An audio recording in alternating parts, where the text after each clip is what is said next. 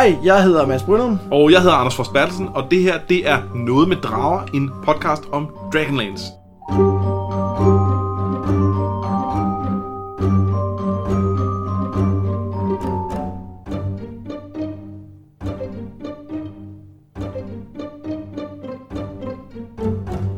Vi læser de ikoniske Dragonlance-bøger kapitel for kapitel og gennemgår dem sammen med jer, og vi starter selvfølgelig med krønikerne. Vi er selv kæmpe nørder, vi er rollespillere, vi er rollespilsforfattere, og det har selvfølgelig indflydelse på, hvordan vi egentlig angriber de her bøger. Ja, det har det. Vi, vi kommer til at kigge rigtig meget på, hvordan øh, man kan se, at der, der er sådan et rollespil slægtskab i, i, i de her bøger. Og så i det hele taget, så er vi fantasy-nørder.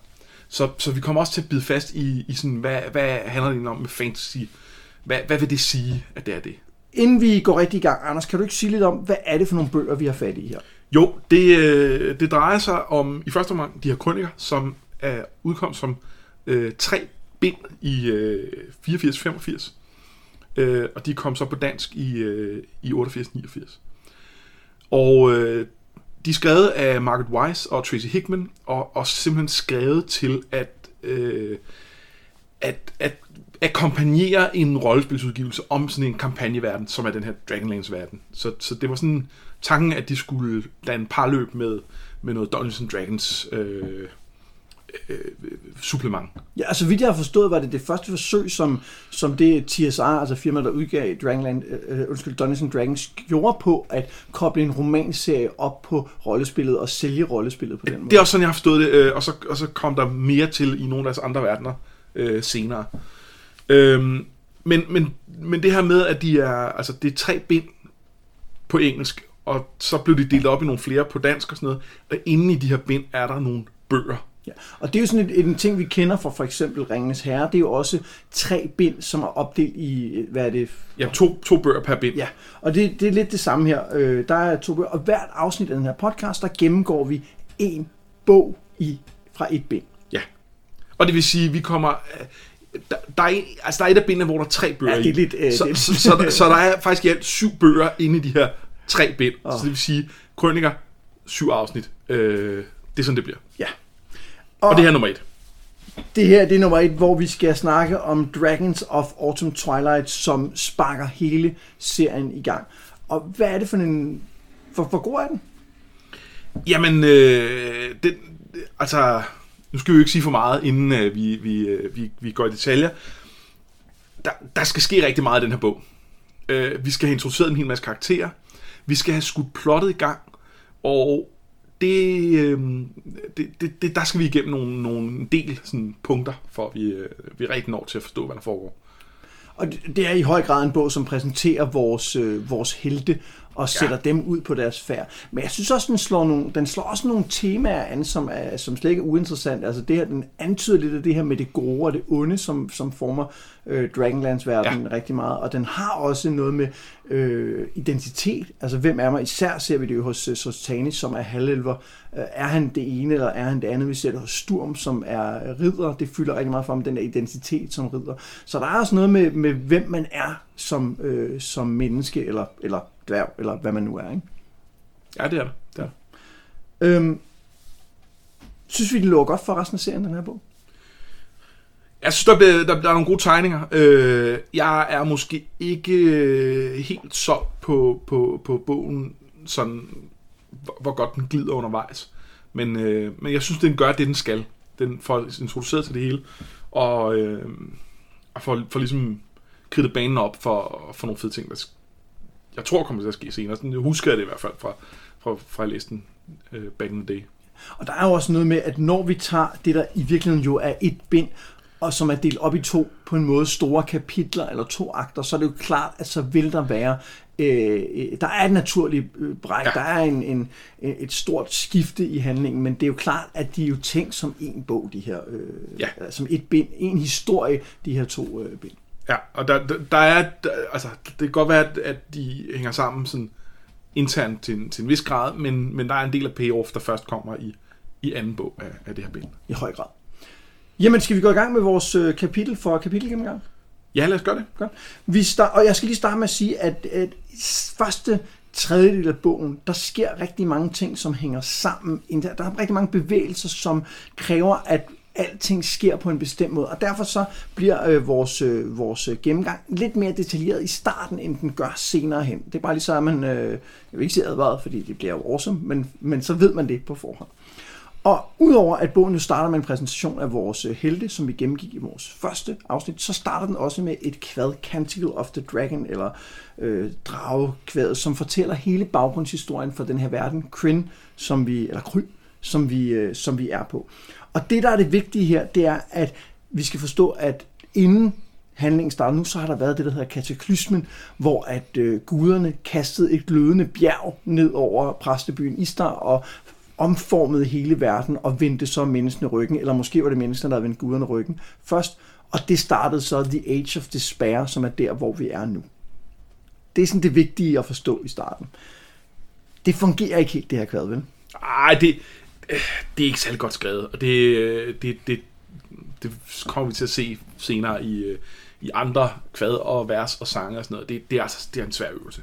Øhm, og på nogle måder så havde man måske været bedre tjent med bare øh, den, det lille oprids, du lige har givet her, af hvad der faktisk foregår, i stedet for to siders, øh, to siders kvad. Men ideen er jo, tænker jeg, at det skal give os en fornemmelse af noget mytisk. Den giver os ja. noget mytisk historie, og nævner også øh, ridderen Huma, som var op mod de onde drager engang, og så videre. Så det, det skal vel sætte en stemning også. Ja, det skal det, og det, og det er, øh, altså det, det giver, det siger noget om verden. Øh, det, det siger noget om, at det er, altså der, det handler om store heltegærninger også, øh, og det er, en, det, er en, det er en del af det her univers. Og det kan man sige, det er måske det, det ved vi godt, det er i fantasy, men, men det skal jo også ligesom signalere til læseren, at det er altså den her slags historie, vi er i. Og det gør den. Ja. Og så synes jeg også, at det sætter et øh, scene for en verden, hvor det går lidt af helvede til. Rigtig meget. Øh, det, altså, det, det, er, det er et meget dystert udgangspunkt, vi er i, og det, og det går igen i øh, ret meget af, af, af den her første bog. Det er altså ikke et ret sted. Det er ikke sådan, altså, det er ikke sådan et, et hyggenykke øh, herred øh, i Ringens Herre eller et eller andet, hvor, hvor alt er fint, og det er kun, når man drager ud i verden, at, at det er lort. Nej, det, det, det hele er allerede i ubalance, kan ja, man sige, når historien det. starter. Det er ikke noget med, at vi har en, en balance, som bliver forstyrret af noget ondt, og så skal det ret genoptræde igen. Det hele er faktisk lidt af helvede til, når ja, vi starter. Det er det. Ja. det er det. Nå, men øh, jamen, faktisk har bogen jo to prologer, for udover det her kvad, så har den også en, en decideret sådan en, en ting, der foregår inden bogen starter, hvor vi er på det sidste hjemstedskro, som ligger højt oppe i trætoppene i byen Solace, og der gør øh, kropigen Tigger og kroverden Otis klar til at åbne. Der er snak om krig, men er der ikke altid snak om det. Pludselig går døren op, uden at de har hørt fødder ude på trappen, det plejer de at kunne, og der kommer en gammel mand ind, som begynder at rykke rundt på bordene. Han vil gerne have det store bord hen ved ilden, og så bliver han spurgt, are you giving a party? Og så siger han, it'll be a party no one has seen since the cataclysm. Og det er lidt sjovt. Det er meget sjovt. Ja. Og det, altså, et, et party, det, det er selvfølgelig både en fest på engelsk, det tror jeg de fleste øh, øh, er med på, og så er det øh, en, det, man kalder en gruppe i, i sådan en rollespilsammenhæng, i Dungeons and Dragons sammenhæng. Øh, det, er, det er et party. Så, man kan sige, at allerede der er der et hint af, at der kommer til at blive samlet den her flok helte, som man ja. jo også er blevet præsenteret for, inden man går rigtig i gang med bogen. Øh, og den her mand, han er lidt mystisk, fordi han kender også Tikas navn, uden at hun har sagt det til ham, og, og der er et eller andet, han har sådan en Gandalf-vibe, synes jeg godt, man kan sige. Det har han, det har han rigtig meget, og, og ikke mindst kan man sige, det, det er jo en direkte parallel til den måde, han øh, sammensætter, øh, øh, hvad hedder det, øh, sammensætter ekspeditionen i Hobbiten på, hvor det også er øh, godt nok kommer han ligesom med en, en samlet gruppe og har bare lige tilføjet sig Bilbo, men... Men de vælter jo også en en af gangen. Ja, ja, de altså, vælter også en en af gangen. Ja. Det, så, så ja. Nå, lad os øh, gå i gang med selve den rigtige øh, handling. Vi starter med, at tre af vores øh, helte, Tanis, Flint og Tasselhoff, de mødes på vejen mod Solas. Vi lærer, at de har været væk i fem år på jagt efter tegn på de gamle guder, fordi de har altså forladt verden, de her gamle guder.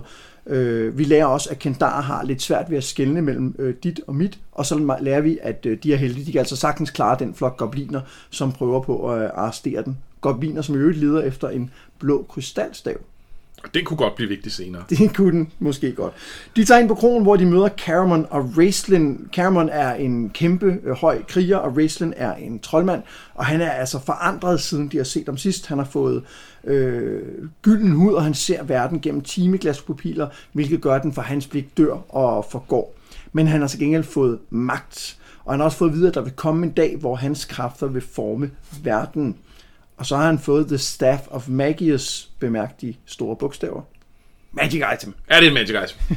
Så det, det kan nogle, den kan nogle ting, og det finder vi ud af lige så stille i løbet af, af serien, der, der, der, der begynder den at gøre nogle, nogle, forskellige ting. Og den, den, den kan jo egentlig ikke så meget, men den er bare rigtig sej, den her stav. Jeg ved ikke hvorfor, men den, den fascinerede i hvert fald mig de første gang, jeg læste den. Så Jamen, mega det kan jeg godt sej. følge. Altså, det vi ser den gøre i, i, første, i første bog her, øh, og jeg kan ikke faktisk ikke huske, om den gør meget mere i løbet af serien, men, men det er at, at, øh, at lave lys.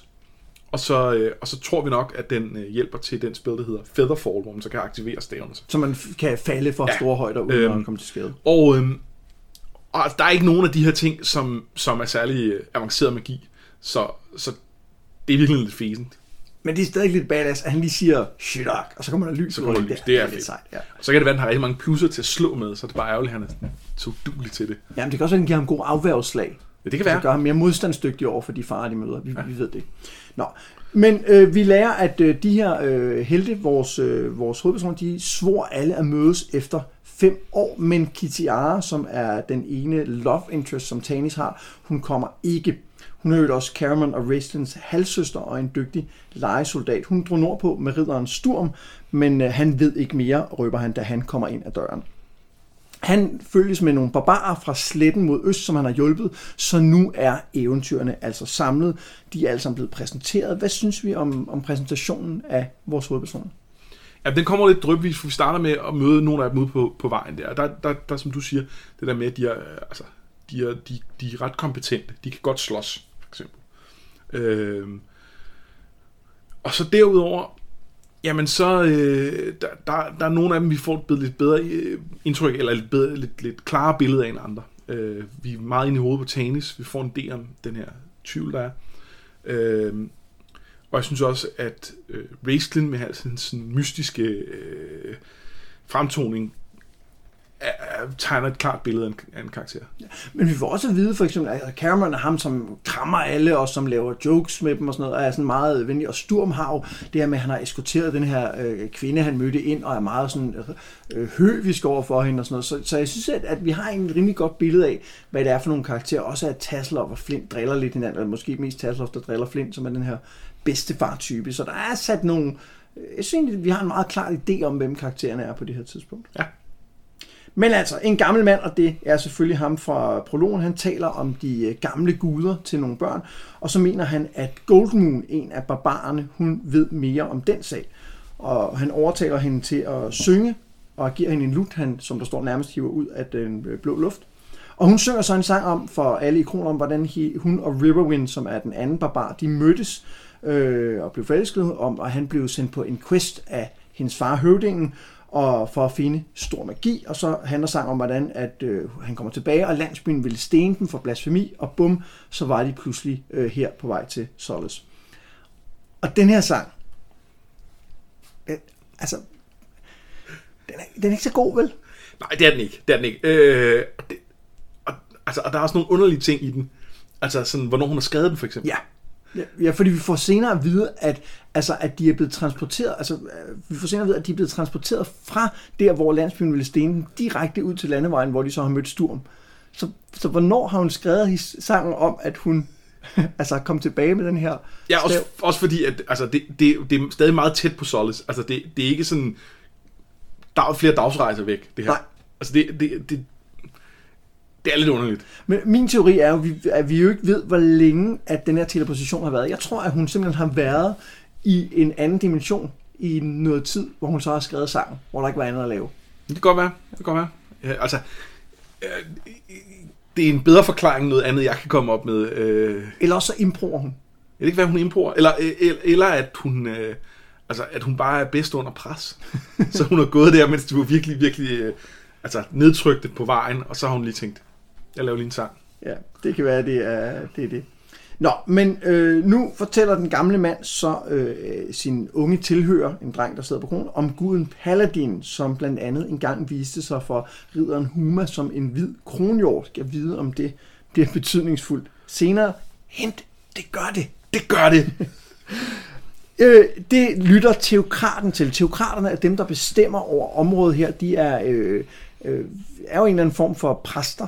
Ja, det er et præstestyre. Og jeg, og jeg synes, det er super interessant, fordi vi har den her verden, hvor guden har vendt, har vendt den ryg, eller omvendt, eller hvordan man nu siger det, og så, øh, og så er der øh, de her øh, teokrater, som er præster for nogle andre guder.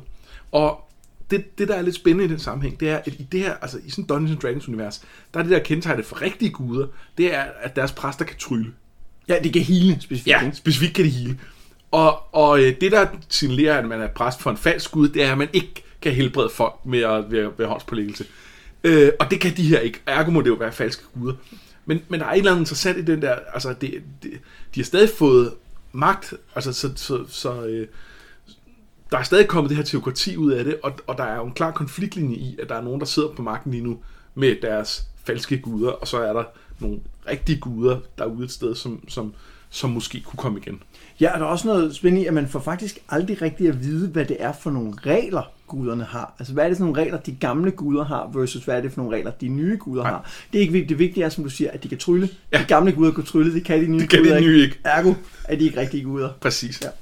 Nå, men han øh, sidder altså og i barn, han mener, at den her øh, snak er blasfemi, han bliver rasende og vil tage Goldmoon, altså barkvindens stav, og kalder hende en heks, men Riverwind skubber ham væk, og ved et uheld, så havner han i flammerne, og der går ild i ham.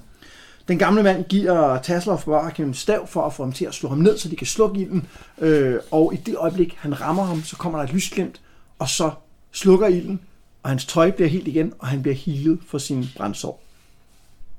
Er det sådan, healing fungerer normalt?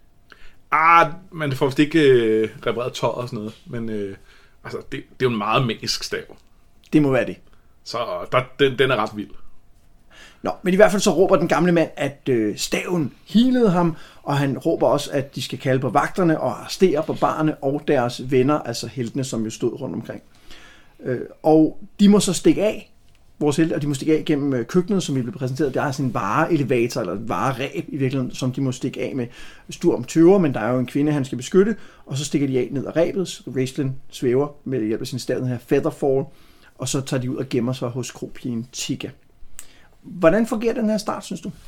Jamen, jeg synes egentlig, at meget af den er, er meget fedt. Vi får, vi får, øhm, vi får ligesom etableret, at der er den her øh, religiøse konflikt, som kommer til at gå igen i meget af det. Og så, øh, og så er de jo nødt til at flygte. Øhm, og man kan sige, i virkeligheden så... Altså, Goldmoon og Riverwind er nødt til at flygte, fordi de, de, er, de er eftersøgt på en eller anden måde, på grund af den stav. Men de andre kunne måske godt være blevet hængende. De kunne måske godt have talt sig ud af situationen og sagt, prøv at de der, vi kendte dem ikke rigtigt. Øh, Ja, de snakker faktisk om muligheden, men bliver enige om, at det Ja. overhovedet ikke kan lade sig gøre, fordi at der er skabt, skabt så meget ballade nu. ja, øh, Også fordi, at, at det, det sagde, men te- teokraten reagerer jo på den her healing ved simpelthen at stikke hånden ind i ilden og brænde sig selv for at rense sig for den her, hvad han mener er falsk healing. Ja. Ja. Ikke? Så han har eskaleret situationen rimelig Ja, voldsomt. det, det må man sige, han har. Ja. Ja. Det må man sige, han har. Så jeg er med på, altså det, kunne- det, det, det kunne det måske ikke helt, men alligevel, der ligger, der ligger et valg i, at de siger, og det er Tanis, der siger det, uh, we'll have to go out through the kitchen. Og det er ligesom, den vægt, den linje får i den her tekst, er, altså det er sådan en skæbnelinje. Det er her, at eventyr starter. Det er her, de beslutter, at de er nødt til at, at, at gå den vej ud. De, de, de, det er sådan et, et de accepterer kaldet til Ja, den skare. fordi på en måde kan man jo sige, at den gamle mand sætter jo det hele i gang ved at sørge for, at den her teokrat bliver healet. Han siger, at de er en del af det, og vagterne skal komme. Han har faktisk sat questen i gang. Hvis han var en, en figur fra et computerspil, ville der være sådan en stor blinkende udråbstegn over hovedet på ham. men, men og den, det er fuldstændig rigtigt, så siger de ja til questen ved at gå igennem køkkenet. Ja. Og, og det, altså, det, jeg, jeg, jeg er meget glad for det, de prøver at gøre i den. Jeg synes bare ikke, linjen har den, det svung, som, som den godt måtte have. nej, man fornemmer ikke, hvor stort et valg det egentlig er på det her Nej. tidspunkt. Måske fordi personerne ikke selv forstår, Det er hvor stort et valg det er. Øhm, det er også værd at mærke, at det er Tanis, der tager den beslutning. Ja. Han er gruppens leder. Han er ikke bare sådan øh, gruppens leder af gavn, han er der navn, de har valgt ham. Altså det, det, er, helt, det er helt eksplicit, at det er han. Ja. Så det er ham, der skal tage sådan nogle beslutninger. Og det, øh, det er meget praktisk at have i sådan en, øh, sådan et rollespilsparty. Øh, sådan så øh, der ikke går for meget kævl i den. Men også fordi i tidligere tider, når man spillede rollespil, så var det jo ikke unormalt, at du havde en, der var gruppens talsmand. Sådan så, at de andre spillere sad og fortalte gruppens talsmand, hvad de ville gøre, og så var det ham eller hende, der kommunikerede med spillederen. Ja. Altså så er kommunikationen faktisk med, til spillederen, der ligesom styrer al, al, øh, universet og monstrene og sådan noget, øh, faktisk primært kommunikeret med en person om, hvad gruppen vil gøre. Det kan så være, at det har været Tanis. Ja, det... Det har det nok. I hvert fald, hvis de har brugt det. Jeg, jeg ved ikke, jeg, jeg, jeg, har det fandtes rigtigt, eller er det bare en myte? Øh, for jeg synes, det, det er sådan en så sindssygt tanke. det er skørt. Det er skørt. Det tror, jeg, jeg tror, altså, så har man sikkert budt ind, når der har været vigtige ting, men når man skulle sige, hvad gør gruppen, så har det garanteret været sådan, Ja, at man lige mening, samlet, og så er der en, der siger, når gruppen gør sådan, Hvad gør I? er Løber I videre? Øh, Nej, vi løber ikke videre. Jo, vi løber videre. Okay, det, det kan vi ikke arbejde med. Øh, så er vi nødt, ja, så er vi nødt til at aftale det Jeg også. synes, jeg bilder mig ind, at det var en ting, der stod i, øh, i det gamle, øh, altså øh, det, der hed Dungeons and Dragons basis-sættet. Det kan sagtens tænkes. At- Jeg er først kommet med det i. Advanced Dungeons and Dragons, som, som var lidt senere. Ja, så havde, der havde I lært at kommunikere alle sammen med spillet. Ja, Ja, det, var, det- så avanceret var at Ja, præcis. Det var, det var det, der var så avanceret. Måske. Nå, de øh, får kun kort tid til at gemme sig hos Chica. Et par gobliner gør, at de må flygte. De tager en båd hen over en nærliggende sø, og slipper kun væk, da Raistlin han kaster en, en, en spil, altså en trylleformular, der får goblinerne, der forfølger dem til at falde i søvn. Det er en ny formular, han har lært. Og mens de sidder der i båden, så opdager de, at de to stjernetegn, The Queen of Darkness og The Valiant Warrior, mangler altså, at de her guder, den gode gud og den onde gud, de nu går på jorden. Bam, bam, bam. Så vi har altså sat op nu, at, øh, at guderne mangler. Det er sådan en rimelig stor ting, øh, uden at vi helt forstår, hvad det så betyder, det her med, at de vender tilbage til jorden.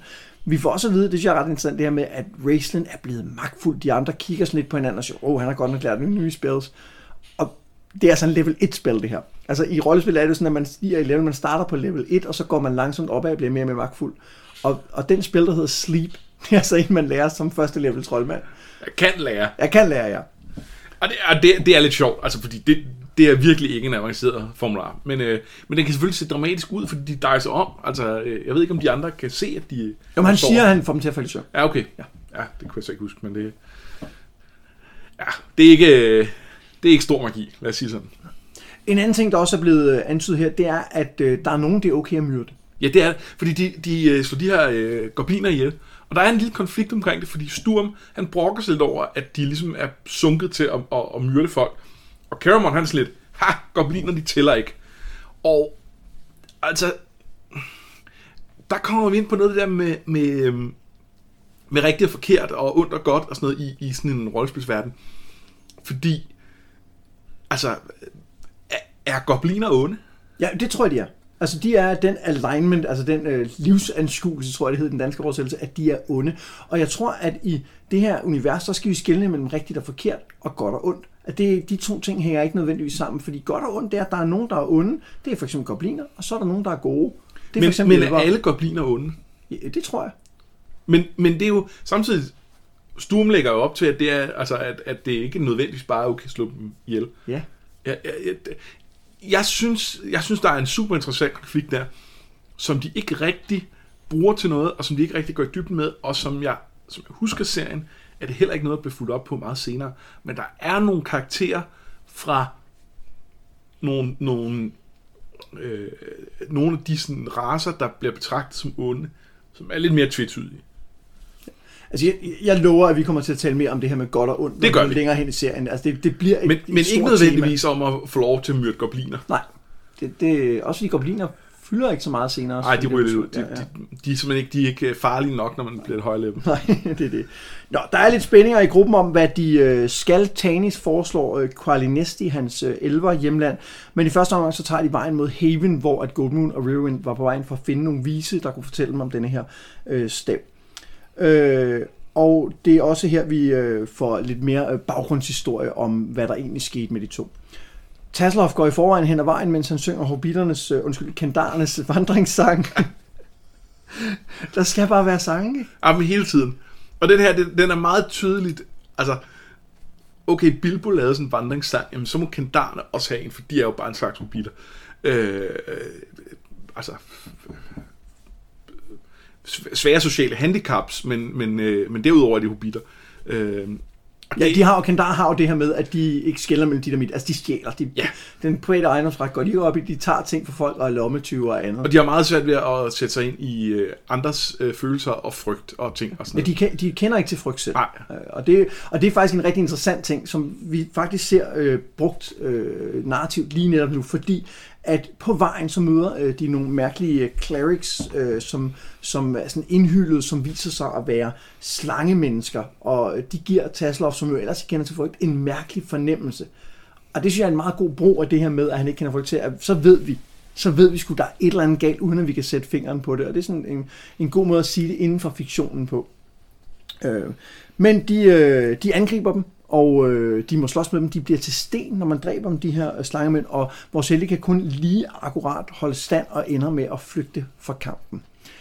Hvordan synes du, at revealen af det, øh, eller afsløringen af det, som vi ved er drakonianere, som er hovedfjenden igennem historien, hvordan fungerer den her? Jeg synes, det er rigtig fed. Øh, jeg, synes, jeg synes, de er skræmmende. Altså, det med, at de er, de er klædt i de her, de her kutter og bandager og ting og sådan noget, øh, og de tydeligt bevæger sig mellem mennesker øh, i, i skjul, men så samtidig er de her monstervæsener i en eller anden grad. Øh, vi har tidligere hørt, at der har været en med præcis den beskrivelse, der har afleveret brevet fra Kichara, øh, så, så der har været nogen inde i Solace og været undercover og sådan noget, og nu rejser de her og, og, øh, og, og er skræmmende, altså. Ja, intelligente og farlige, ikke? Ja. Øh, og så slår det mig lige nu, at der er jo en, det trækker jo på en, øh, en, en, en anden fantasy-historie her. Det her med at gå på en vej, møde en indhyldet, frygtskabende øh, skabning, det er jo øh, de sorte rytter fra Ringens Herre. Det er det, det er til en vis grad. Uden at det over, jeg synes overhovedet ikke, at det er en, det er ikke ligesom, at Kendarens vandringssang er en ej, for fuldstændig... det bliver planket lidt på en, på en lidt flad måde, hvor man tænker, okay, der, det, det er en til en kopieret. Ja. Det her er bare at, at, at, at spille ind i en, i en trope, som, som altså, Ja, som er, at det, at det, du egentlig kender, det du tror, du kender, pludselig er anderledes og er, er fry, og du ikke ved noget. Og hvis, jeg tror også, at for, øh, for... Fordi det her var jo også rollespilsmoduler, det var jo også ting, man kunne spille i den her verden. Og jeg tror, for, for rollespillere dengang, som ikke kendte Dragonlance verden, har de måske ikke kendt til drakonianer. De har ikke kendt reglerne for dem. Så første gang, de møder dem og oplever, at deres våben hænger fast, så har det måske, hvis man spillede rollespillet, haft lidt af den samme effekt, som ja. det har for vores karakter her. Det synes jeg er meget fedt. Ja, det, øh, og, og, altså, så er de farlige nok hver især til, at der ikke skal en kæmpe håb til, at de er rigtig farlige for gruppen. Som vi ellers har set, at de er stærke nok til, at de der gobliner, dem kan de godt lige øh, håndtere, hvis ikke der er for mange af dem. Drakonianerne, de er lige det sværere, og det, det gør, at det bliver farligt, farlig encounter på den måde. De flygter i hvert fald ind i skoven, hvor øh, Sturm får øje på den hvide kronhjort og følger den, og den leder dem til Darken Wood, som er derfra, hvor ingen levende nogensinde er vendt tilbage. Og de må selvfølgelig fortælle Raceman, de må ikke dræbe noget inde i skoven, de må ikke drikke noget fra skoven, de må ikke spise noget derinde, øh, selvom vi hører igen, at Caramon er sulten. Det er ligesom hans primære karakteristik Ja, af det- det her med, at han er, han er sulten. Ja, han får noget mere dybde, som jeg husker det i løbet af, af serien, men, øh, lige nu der er, han, der er han lidt flad og lidt, lidt bare sulten. Ja. Øh, vi, vi slutter, det glemte vi måske at sige i starten, vi slutter jo hver afsnit af med lige at kåre de karakterer, vi synes har været mest interessante i løbet af den bog, vi gennemgår. Øh, så den diskussion kommer vi lige også til at vende Ja, tilbage vi. til der. Det Hvad er det for nogle... Men der, der er måske nogen, der nu, allerede nu kan regne ud, at jeg ikke kommer til at stemme på. Ja, det, det, det siger mig rimelig tydeligt. Nå, men inde i Darken Wood, så møder de nogle, øh, nogle udøde, nogle spectral minions, som øh, det lyder fuldstændig som et navn, der er taget ud af Monsters Manual. Øh, og Racing kan heldigvis tale med dem, og øh, da de fortæller deres historie, så nævner Tasloff den blå krystalstav, og bum, så er der fred og ingen fare. Vores helte bliver reddet øh, afsted på Kentaur for at møde The Forest Master. Hun er en indjørning, og hun har øh, et alt for langt kapitel om mad og stole og due, der kan svæve selv, og hvorfor må man gerne spise dyr. Og øj, hvor er det langt.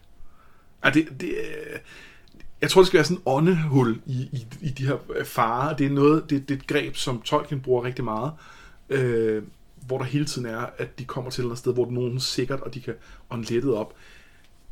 Men, men det bliver bare lidt flat her. Det bliver bare sådan lidt... jeg har du, der svæver, hvad så?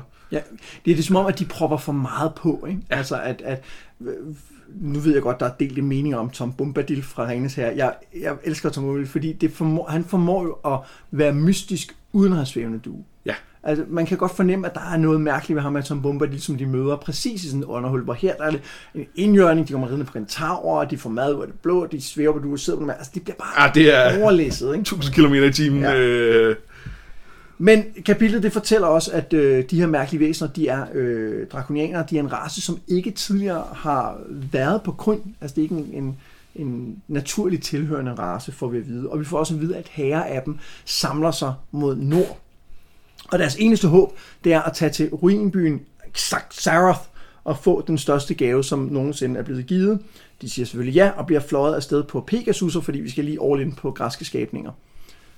Ja, og det, altså en ting, jeg godt kunne tænke mig lige at have mig fast i, noget af det, du lige har snakket om, det var øh, det der med, øh, med Sturm og Kronhjorten. Ja, Øh, og altså det, nu, kan, nu er det selvfølgelig tvetydigt, hvor meget den findes i virkeligheden, for han har lige slået hovedet. Ja. Men må ikke, at øh, der også ligger noget andet i det. Og noget af det, der er interessant her, er, at det, går, det er ligesom øh, noget af det fra, fra legenden om Huma, der, der, der går igen. Der var også den her hvide kronhjort, som man kunne følge efter. Og øhm, der er det værd at bemærke, at, at Huma er særlig en, en held for de her solamiske ridere, som, som, som øh, Sturm ligesom er en del af. Og det vil sige, for ham er den her øh, legende om, om Huma, om kronhjorten, det er altså noget meget konkret. Det, det er ikke bare et eller andet, det, det, det, er virkelig noget, der betyder noget for ham. ja og, og for ham er Huma en historisk person. Det er Hvor for mange andre er han en savnhelt. Ja, og, øh, og, og, og altså, for ham er, er der en ting, han har slået hovedet, men der er slet ikke nogen tvivl om, at selvfølgelig skal man følge den der kronhjort. Det er det, der er, altså, det er et, et, et helligt symbol på en eller anden måde. Så øh, ja. Og En anden ting, der måske også er værd at tage med for det her kapitel, det er, at når de skal beslutte, om de vil tage den her quest, så øh, tager øh, Tanis lige Raistlin og trækker ham lidt afsides, og vi forstår, at det er noget, han jævnligt gør, at han får råd fra Raistlin. Og det synes jeg egentlig er en, en ret fin scene, de har der, hvor de taler lidt om, hvad, hvad de egentlig skal gøre. Øhm, og øh, Tanis spørger blandt Raistlin, øh, tror du, vi er blevet udvalgt? Og så siger Raistlin, ja, men spørgsmålet er, af hvem? Ja, og det altså, jeg, der, er mange, der er mange ting i det, der jeg, jeg synes er interessant. Altså hele, hele ideen om øh, altså Tanis, der som leder godt ved, hvem han skal vende sig til for at få de råd, han har brug for. Øh, og Raistlin, altså han, han har tydeligt en, en lidt anden moralsk tilgang til tingene, end de andre i gruppen. Øh, han er altså han er noget mere kynisk. Og det, øh, det ser Tanis som kvalitet, eller i hvert fald som, det kan han godt arbejde med, fordi Riesling til gengæld er, altså han ved noget om ting. Ja, han er klog. Han er klog, ja. og, det, og han, er, han er indsigtsfuld i en masse ting. Øh, og, og det har man brug for at, at kigge på, også selvom man ikke nødvendigvis vil tiltro den person selv at træffe alle de svære valg, så, øh, så, så kan de komme med, med, med vigtige øh, betragtninger. Men, men det er også noget, han lidt gemmer væk. Altså, det, det, er ikke, øh, det er ikke noget, han bare sådan tager de diskussioner foran Sturm. Nej, det er de voksne, der tager ud og taler. Ja, det er Fordi- virkelig de Fordi voksne. Sturm afskyer jo Raistlin, og Ja. Flint er heller ikke specielt tryg ved ham. Nej. Øh, og, og, og Sturm, i, det, i forbindelse med det, at de gør så, så, har, så hopper vi også ind i hovedet på Sturm, der står og tænker, hvorfor han egentlig følger Tanis, men at det vil han gøre, uanset hvad. Øh, men, men der skal man måske lige sige omkring Raistlin, at han er jo ikke bare, øh, vi fornemmer jo ikke bare, at han måske er lidt anderledes end de andre. Det, det er jo eksplicit i det, han er en rødkåbet troldmand. Fordi troldmænd er jo delt op i tre øh, klasser, eller tre genrer. Der kan være de hvide, som er de gode, de røde, som er neutrale, og så er der de sorte, som er de onde. Øh, og de trækker også deres kræfter fra tre forskellige måner, som den her verden har. Og, og jeg synes, man fornemmer, at i det her univers, der er i hvert fald for Racings vedkommende neutral, han kunne næsten lige så godt være ond, ikke? Og det, det føles det sådan, og i hvert fald, i hvert fald er der nogle af de andre, der klart er, altså er gode i deres øh, alignment. Altså de er, de, de, øh, de vil gerne hjælpe folk. Altså ja. sådan en som, som Sturm, han, altså han, det, det der ridderlighedsting, det, det tager han altså seriøst, og det, er, det handler om at beskytte de svage. Ja. Øh, og det, øh, det, det, det er altså noget, der traditionelt er i alignment-systemet, bliver betragtet som godt.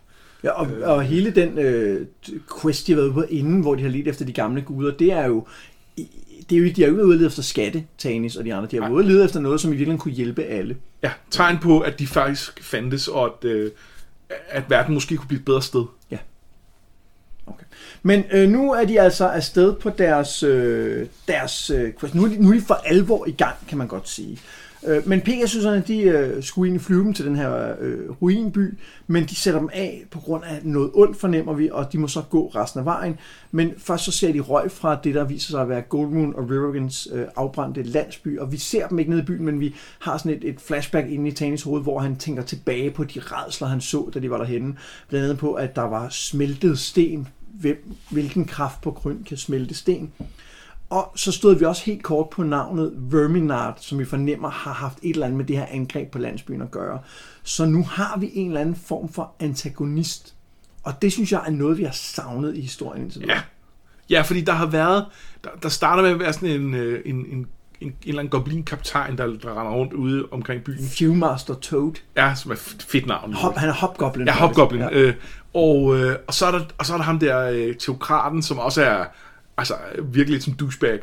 Men, men der er jo ikke nogen af dem, der sådan føles som en rigtig sådan skurk i fantasy-sammenhæng. Nej, i virkeligheden har der mere været sådan nogle små øh, encounters med, med modstand. Ikke? Altså, så Jo, jo. møder de udøde i Darkenwood, så møder de de her drakonianere på vejen, så møder de nogle gobliner og forfølger dem. Men der har ikke været, man har ikke haft fornemmelsen af, at de er oppe mod noget. Det bliver antydet, de her herrer mod nord, men det er ikke helt personligt nok til at være en, en rigtig antagonist, synes jeg. Nej, Og det er Verminard jo heller ikke på det her tidspunkt. Altså, det, Nej, det er han ikke endnu, men det kan være, han bliver det. Ja, det, han bliver præsenteret lidt senere også i historien. Ikke? Nå, de øh, fortsætter nu ind i sumpene, der omgiver den her gamle by. Og nu, og nu bliver vi nødt til lige at tale om noget her, fordi den her Saxarath, som er den her ruinby, den ligger, hvor der har Riverwind jo været tidligere. Der har han jo været og har fået den her blå krystalstav, som man så har taget hjem til landsbyen. Ja, han Men... beskriver det faktisk som, som byen, hvor døden flyver på sorte vinger. Ja, uden at det bliver forklaret nærmere. Ja. Men han har altså vandret på den her quest, han blev sat ud på af Goldmoons far Høvding i mange år. Hvordan har det taget så mange år, når landsbyen ligger altså, altså to sider væk fra, fra den der ruinby? Hvad fanden har han lavet? Jeg, jeg ved det ikke. Altså, jeg, jeg kan godt lide ideen om, at han måske har rejst langt, langt, langt væk. Og så har han rejst og rejst og rejst og rejst, og så til sidst så har han taget hjem. Og så sådan på hjemvejen, så lige, lige dag, dagen inden han ville komme hjem, så han kigget ned i, øh, i et eller andet hul, og så han tænkt, hvad fanden? Jeg kunne lige her. Jeg kunne lige have. og så har han fundet det. Jeg tror, han har ærget sig, når han går der. Jeg tror, han lige tænkt, "Åh, hvor fanden startede jeg ikke? Ej. Han har bare stået derhjemme til at starte med og sådan tænkt, skal jeg gå ned der forbi Saxaroth, eller skal jeg gå den anden vej? Ej, jeg tager det på hjemvejen. Ja, Saxarath, det er bare sådan et hul. Det er bare Ja. mudder. Der er ingenting der. Der er ingenting der. Jeg tager det på hjemmevejen, hvis, det, hvis jeg ikke har fundet noget inde. Fuck, mand. Ja. Nå, men øh, de fortsætter i summen, og på turen render de i et øh, baghold, bliver angrebet af drakonianer, og det er kun Tasler og Flint, der slipper væk. De andre tror, at de er druknet. De andre bliver så fanget, men bliver reddet af Tasloff, der spiller øh, rollen som sådan en stor drage. Øh, de her drakonianer har en lejr, hvor der er en fletdrage, som øh, Tasloff kravler ind i, og bilder dem ind, at han er den her drage, og så i forvirringen, så kan de andre slippe væk. Hvordan synes vi, den her øh, encounter, eller hvad man skal kalde den, den her øh, møde med filmen, hvordan fungerer det? Jeg, jeg, er ikke så vild med den. Det handler blandt andet om, at jeg kigger lidt på det som, som sådan en rollespils-encounter, og der kan jeg ikke lade være med at tænke på, det føles meget som om, at det var den løsning, der skulle være på det. Og hvis ikke der er nogen, der, kan, der, der finder på, at de skal kravle ind i dragen og, og, og tale med en sjov stemme, så, øh, så, går, så går plottet lidt stå. Øh, men altså, det, det, det er også lidt svært at vide, om der havde været nogle andre muligheder. Øh, samtidig så er der noget... Øh, altså, jeg tænker bare, de der drakonianer, kan de ikke se din fletdrag? Den ligger midt inde i deres lejr. Om det er mørkt. Og Den ligger der jo også, når der er lyst. Ja, men jeg tror med til historien hører her, at drager findes jo ikke. Altså drager er jo mytiske væsener, som faktisk er, som ingen rigtig tror på findes længere, og, og det er heller ikke sikkert, at drakonianerne tror på det, eller gør de? Det tror jeg, de Nå, gør. de ved godt, drager de ved findes, godt, ja, de de, findes. Ja, Det tror jeg, fordi de er en del af de der herrer, ja. der rejser rundt. det er rigtigt. Ja, det er lidt mærkeligt. Jeg synes jo, at den... Øh, jeg synes, det er en mærkelig øh, scene, den her, fordi den har ikke nogen narrativ funktion. Nej. Den, den har, hvor man kan sige, at møde med drakonianerne på vejen, det får dem væk fra øh, deres oprindelige plan, tvinger mod Dark and Wood, møde med de udøde, sender dem videre til øh, The Forest Master osv., men, men de her, det har ingen funktion, det har ingen betydning for resten af historien. Hvis denne her, øh, det her møde ikke havde været der, så var de havnet præcis det samme sted, som de var ellers. Det eneste, den gør, det er, at den viser Taslov som kompetent. Ja, det gør den, og det er fedt. At viser, at han Øhm. kan tænke hurtigt, han kan, han kan få idéer, og han kan tænke ud af boksen i virkeligheden i forhold til, hvad det normalt er. Og det Og- synes jeg er meget Og interessant. når frygten rammer de andre, og nu er det måske ikke så sådan, altså, konkret frygt, men altså når, når, når, når det er svært at gøre noget, fordi man ikke helt ved, så har han, altså, så, han, så handler han. Ja. Ja. Fordi det, han, er ikke, han, er ikke, øh, han er ikke bange for bare at kaste ud i det.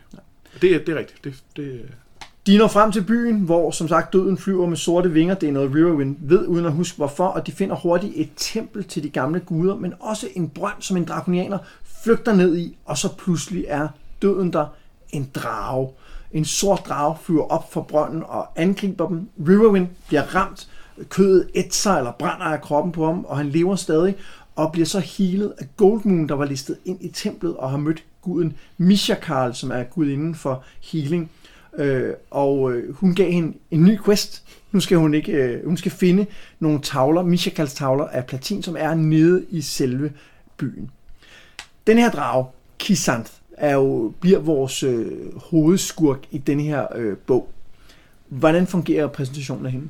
jeg, jeg kan rigtig godt lide den. Øh, det, det, jeg tror, det er første gang, vi, øh, vi kommer ud af, af sådan point of view fra, fra, fra nogen i gruppen. Altså, hidtil har det været, om så følger vi lidt øh, den ene, lidt den anden, lidt den tredje. Og mest Tanis. Mest Tanis, øh, og nogle gange med nogle lidt brætte skift imellem, ja. øh, hvem- det er lidt forvirrende faktisk.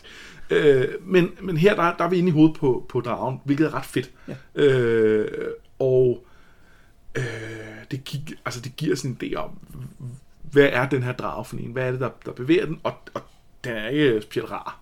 Nej, den er heller, ikke- men den er heller ikke specielt kløgtig. For, altså, Nej, det er den heller ikke. Vi, jo, altså vi finder Altså, ud af, at den er intelligent, fordi den jo det er tænker ikke bare et, et, et, et mindless beast. Altså, det er ikke bare et eller andet mærkeligt monster, der flyver rundt og, og vil æde folk. Den, det, den er klogere end det. Men lige, jeg tror, man kan sige generelt, vil det vise sig, at drager øh, er forholdsvis intelligente. Men Kisanth er ikke den skarpeste kniv i skuffen, når det kommer til drager. Hun har jo øh, mistet den blå krystalstav, og det har gjort Verminard, der hører vi det igen, øh, ja. Rigtig øh, sur. Og derfor så øh, vil hun rigtig gerne have den igen. Men hun har lige kigget ud på dem og set, at den er der ikke. Nej. Nej. Fordi Goldmoon var jo gået ind i templet, og derfor tænker jeg, jeg flyver lige over og slår dem ihjel. Flyver over dem en gang, og det må være nok. Øh, og det er det så ikke, for hun rammer jo faktisk kun den ene af dem. Og det, og det er også lidt mærkeligt, men det må være arrogance, ikke? der gør, at hun ikke lige tjekker. Jo, det, det, det, de onde er jo, er jo kendt for at være arrogante. Sådan er det i Dungeons Dragons. Og så vil jeg sige, altså det, det, det, det, er, det er rigtigt, det er meget dumt. Altså det er meget inkompetent. Der er en hel gruppe af folk. Hun rammer en, og hun tror, hun ramt dem alle sammen. Ja. Altså havde hun nu taget fem af dem, så måske en, fair nok at tænke, ja, det var, det var sgu nok alle sammen. Men der er to andre ting, som øh, bliver præsenteret ved den her drage. Den ene er, at hun jo kan bruge magi. Hun kaster jo en formular, der skaber mørke rundt omkring dem. Og så øh, er der også det her, der bliver præsenteret som altså konkret dragefrygt, som er sådan en, en, en, en fuldstændig altså, lammende frygt, som følger med, at man ser en drage. Og den synes jeg egentlig fungerer godt. Altså det, det, det gør, at man får fornemmelsen af, netop, at det her er ikke bare et almindeligt monster. Det er virkelig... Ja, det er, det er farligt. Altså det er, det, det er en, det er en gammel ondskab på en eller anden måde. Det, det er virkelig noget, altså, det, det er noget monumentalt på en eller anden måde. En anden ting, der måske lige er værd at nævne her, det er jo, at øh, det her, hver kapitel i den her bog har jo en lille tegning, en lille vignet, der ligesom øh, viser noget af det, der sker i, i, øh, i det her kapitel. Og jeg ved, at vi begge to er ret vilde med den, der er til det her kapitel med drakonianerne, der står på kanten af brønden med sådan en sejt svær, og lige på vej til at hoppe ned i, i dampen, der kommer op for dem. Og den, den, synes jeg virkelig er... Ja, jeg, jeg er også helt, jeg er helt tosset med den, og det er, det er sjovt, fordi jeg, øh, de der vignetter er virkelig noget af det, der, der, der minder mig om at læse dem, øh, dengang jeg første gang læste dem. Øhm, og det er, altså, der var nogle af dem, der er nogle af dem, der, der, der er lidt kedelige, som ikke siger noget og sådan noget. Da jeg så den der igen, der tænker jeg bare, wow, det der, det er, øh, det kan jeg huske. Altså det billede, det, det er, det er sådan printet helt ind i, øh, Ja, og det er jo bare sort-hvide illustrationer. De er ikke sådan teknisk super gode, men der er bare nogle af dem, som præcis ja. fanger en eller anden dramatisk øh, stemning. og, det, og den der gør det virkelig, altså. Nå, de går ned i øh, selve byen og møder en masse bulber, eller golly dwarfs, som de hedder på engelsk, og som er sådan en, en lavere kaste af dværge, en lavere dværgeart eller noget. Øh, og de er slaver i byen og er nogle sølle stakler. Ja, det er sådan i, i, i Dungeons Dragons, at forskellige øh, raser, eller altså de her, hvis man er dværg eller elver eller et eller andet, så har man nogle forskellige øh, plusser eller minuser til forskellige øh, øh, af ens karakteristika. Altså, måske er man stærkere, men så er man også øh, mindre charmerende eller et eller andet. Og øh, det er typisk sådan lidt, så er man lidt bedre det ene sted, lidt dårligere det andet sted. Og uden at jeg sådan har tjekket, hvad systemet siger om de her bulber eller Goldorfs, så virker det som om, de bare er tabt i det der lotteri. Ja, 100 procent. De, de er bare dårlige. Ja, de er ikke kloge, og de er ikke stærke. Nej, de er ikke noget som helst. Øh, de, de er bare nogle stakler. Men Raistlin, han har en, øh, en, en spil, en formular, hvor han kan charmere nogle af dem og få dem til at hjælpe sig. Og det er også en af de der spil, hvor at Sturm og Tanis kigger på hinanden og siger, wow, den kunne han have, den kunne han have brugt på os, øh, og så havde vi bare været i hans magt.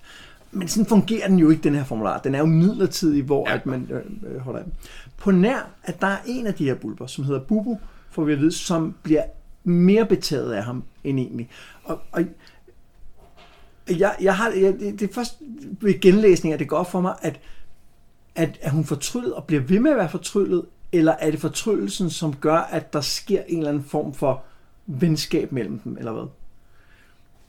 Jeg tror egentlig altid bare, jeg har tænkt, at det var, at, at venskabet udviklede sig fra det springbræt, der var, øh, der var fortryllelsen. Ja. Øh, men man kunne også godt forestille sig, det tror jeg, var, du, du nævnte øh, på et tidspunkt, vi snakkede om det, at det kunne have været, at de, de slog et eller andet særligt, øh, særligt vildt resultat med terningen, for om hun, om, om, om hun blev påvirket af den. Ja, fordi så vidt jeg har forstået, så er den her scene, hvor at, at en af dem bliver sådan nærmest forelsket i Raistlin, er vist noget, der er opstået, mens de har spillet.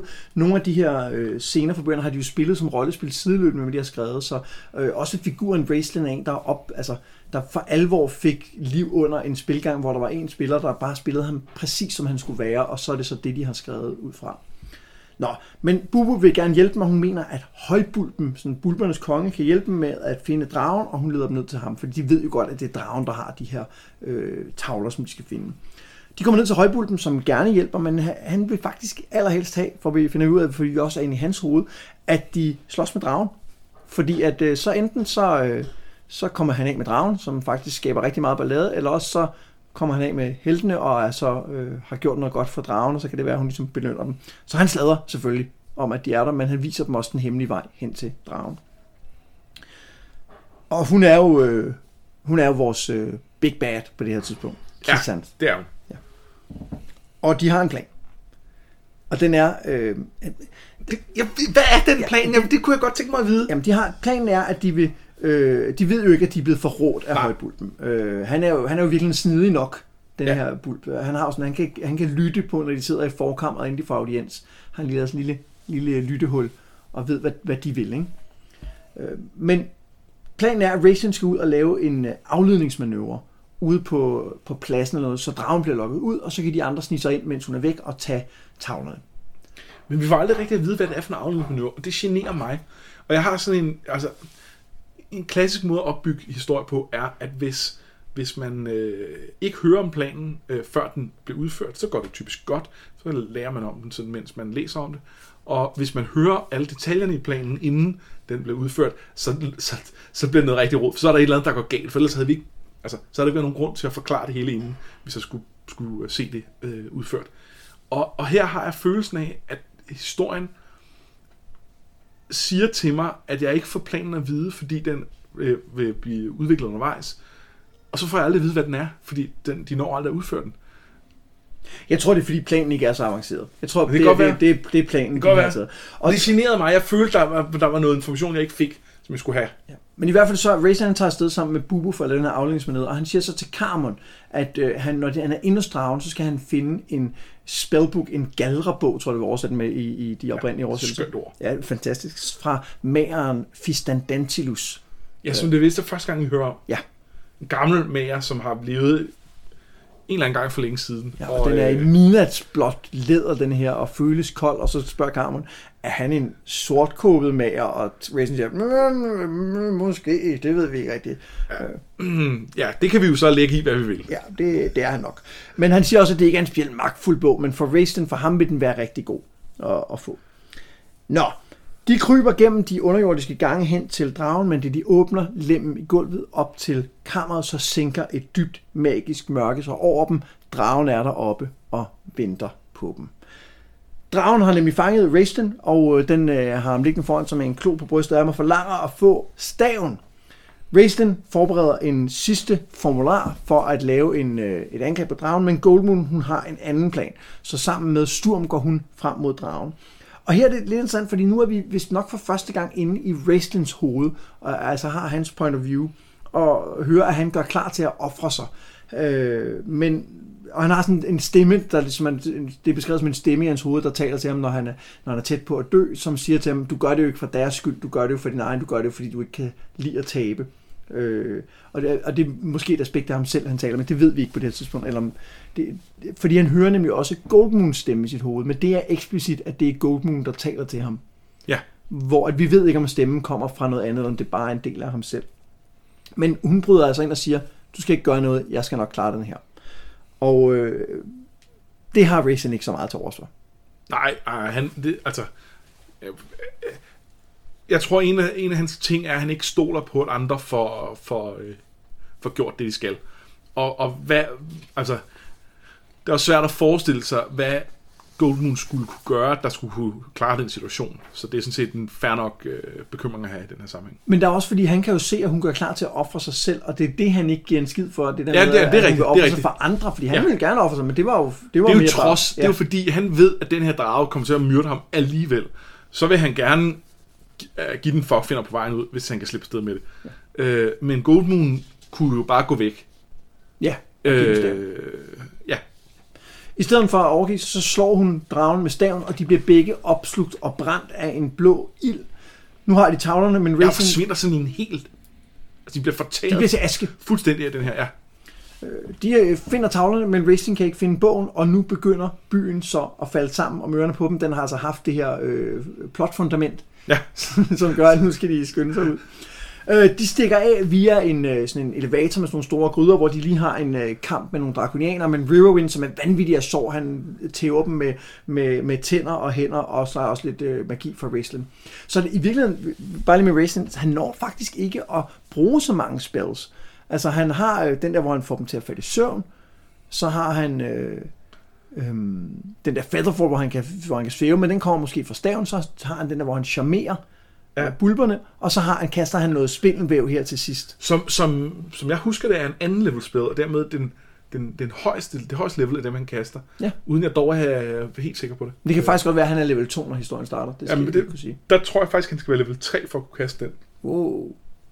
Øh, det, det har skiftet lidt fra udgave til udgave, men generelt har det været sådan, så på hvert ulige level får du adgang til en ny, øh, et nyt spillelevel.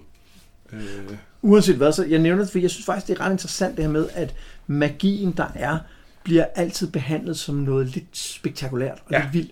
At det ikke bare noget, man lige gør. De er altid sådan, wow, kan han det nu? Og sejt. Og, og, og, og det har en, man har en fornemmelse af, at det er noget mystisk. Ja, det bliver aldrig bare, at, øh, at han bliver sådan et magisk øh, batteri af, af, af, af, af ildkraft, der kan tage, tage deres fjender ud.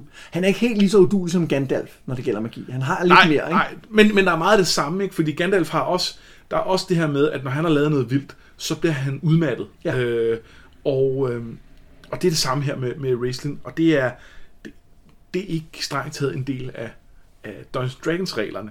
Der er noget med, at når du kaster en formular, så er du nødt til at vente på, at det bliver næste dag, så skal du læse den igen og sådan noget. Men, men, men, og det skal Raistlin jo også. Og det skal Raistlin også, men bliver ikke fysisk udmattet af dem. Det gør Raistlin altså. Og det fungerer, synes jeg, som, som en narrativ greb helt fantastisk. Fordi Rigtig godt. At det gør, at det, at du har magt, det skal du også betale for. Altså, du, ja. du kan ikke bare uendelig magt. Du skal, du skal ofre noget af dig selv for at kunne gøre de her vilde ting. Det synes jeg er rigtig interessant. Det er rigtig interessant. De flygter øh, ind i templet, de kommer op og flygter ind i templet, og mens byen øh, styrter sammen, så øh, raser Tanis mod guderne øh, for bare at se til, mens øh, Goldmoon hun blev fortæret, men pludselig så er hun blevet bragt til live igen. Nu er hun en ægte disciple af Mishakal, eller som Flint øh, siger, We've got a cleric now, and that'll come in handy, hvilket er helt utroligt sjovt. Fordi alle, hvis, hvis man har spillet rollespil også på computeren, så ved man, at når man skal have et party, altså en gruppe eventyr, så er der nogle forskellige roller, der skal være fyldt ud. Og en af dem er en cleric, altså en, der kan hele sår. Ja, det, det, er, det, altså det er man nødt til, fordi det er, det er bare en vigtig funktion i det, og det er, det er praktisk. Han er, altså Flint har fuldstændig ret. Ja. Men, men det er også lidt fjollet. Ja, det er lidt fjollet. Men, men det er jo fordi, man skal jo have en, der kan hele sår, for ellers så bruger vi jo alt for meget tid på at være skadet. Ja. At det gør jo, at vi kan have nogle situationer, hvor personerne bliver såret. Og i livsfar, altså virkelig ja. er på, på, nærmest på dødens rand. Men så er vi klar næste dag, fordi ja. øh, det, det andet bliver besværligt. Ja. Men samtidig synes jeg også, at vi fornemmer, at det der med at kunne, øh, kunne redde Riverwind, som var døden nær, altså faktisk næsten var død, eller det, at Golden bliver bragt tilbage, det er ikke noget, der bare sker hver gang. Nej, altså det, det, det i begge tilfælde er det, er det særlige omstændigheder.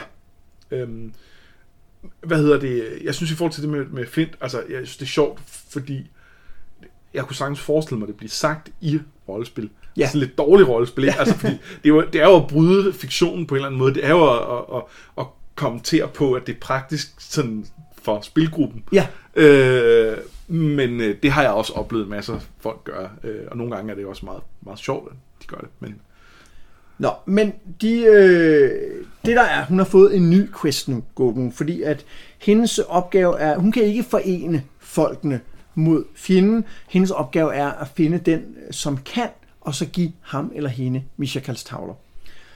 Um, og de stikker sig af fra Saxaros, som styrter i øh, havet, øh, hvilket vi hører ikke rigtig noget om de der bulber, som formodes at være druknet sammen med byen. Det er bare sådan, nå, ja, farvel by. ja. det var også, de var også lidt sløje i det, ikke? Det, det, vi hører heller ikke noget om dragonianerne. men de er jo onde. Ja, men det er rigtigt. Bulberne var jo stakler, de var jo slaver, de var jo, altså, ja, det er helt skidt. Nå, men de slutter, bogen slutter med, at de flygter fra byen, og en morgen så vågner Raisin ved, at han kan høre Bubu græde, og øh, hun, øh, han siger, at hun skal gå afsted og finde, sin, øh, finde øh, sin, sit, sit folk igen. Øh, hun ved åbenbart ikke, at de er druknet alle sammen. Jamen, det er nok heller ikke alle sammen. Jeg tror, de er nogle overlever. Men, men, øh, men der er nok røget nogle stykker. Ja. Nå, men, Jeg forestiller mig, at højbulten har siddet som den sidste dernede, og bare klamret sig til, øh, til sin skat. Nå, men han siger, at hun skal tage afsted, og hun giver ham så Fistendantilus' magibog, som hun selv på et tidspunkt har stjålet fra dragen. Og som tak, så velsigner han hende, eller han griber ind i sig selv og siger, hvis jeg har nogle kræfter, åh, Great One, så lad hende gå gennem livet øh, glad og uden, øh, uden fare. Jeg, jeg synes, det er interessant, fordi det her er jo... Jeg er lidt usikker på, om det nødvendigvis er en gud, han taler til den her Great One, men, men det er jo en bøn, og det er det tætteste, vi ser på en traditionel religiøs handling, i en historie, der i øvrigt handler ret meget om guder. Så synes jeg er lidt sjovt, at, at, at normalt så... Altså, øh, meget af det, de gør, det er jo bare, at øh, det, det handler om, om de findes eller om de kan trylle. Men, men det her er øh, på et andet, på et andet plan. Jeg tolker det som, at det er, at det er the powers that be, at det er sådan nogle kræfter, som han påkalder sig. Ja. uden at vi får forklaret præcis hvad. Men, men det tager form af en bøn, ikke? Ja, helt 100% ja. Men det, der er rigtig interessant ved det her, det er jo, at vi ser Raisin have noget af den menneskelighed og empati, som måske har været fraværende i løbet af bogen. Ja. Øh, Der har været antydning af det. For eksempel øh, har vi hørt, at Raisin var typen, som gerne ville afsløre øh, svindlere, som påstod, at de kunne hele. Det har han været med til at afsløre flere gange. Det er ikke helt tydeligt, om han gør det for folks skyld, eller om han gør det for at få ret. Altså noget kunne godt tyde på, at han er mere typen, der gerne vil have ret, end at han gerne vil hjælpe. Men han har altså en, han har et streg for noget menneskeligt. Han bliver også øh, han bliver rasende, da Sturm siger han også, slap af med din tomme, øh, eller undskyld, ikke tomme, tamme dværg. Ja. Øh, og, og, synes, at de altså, behandler hende dårligt.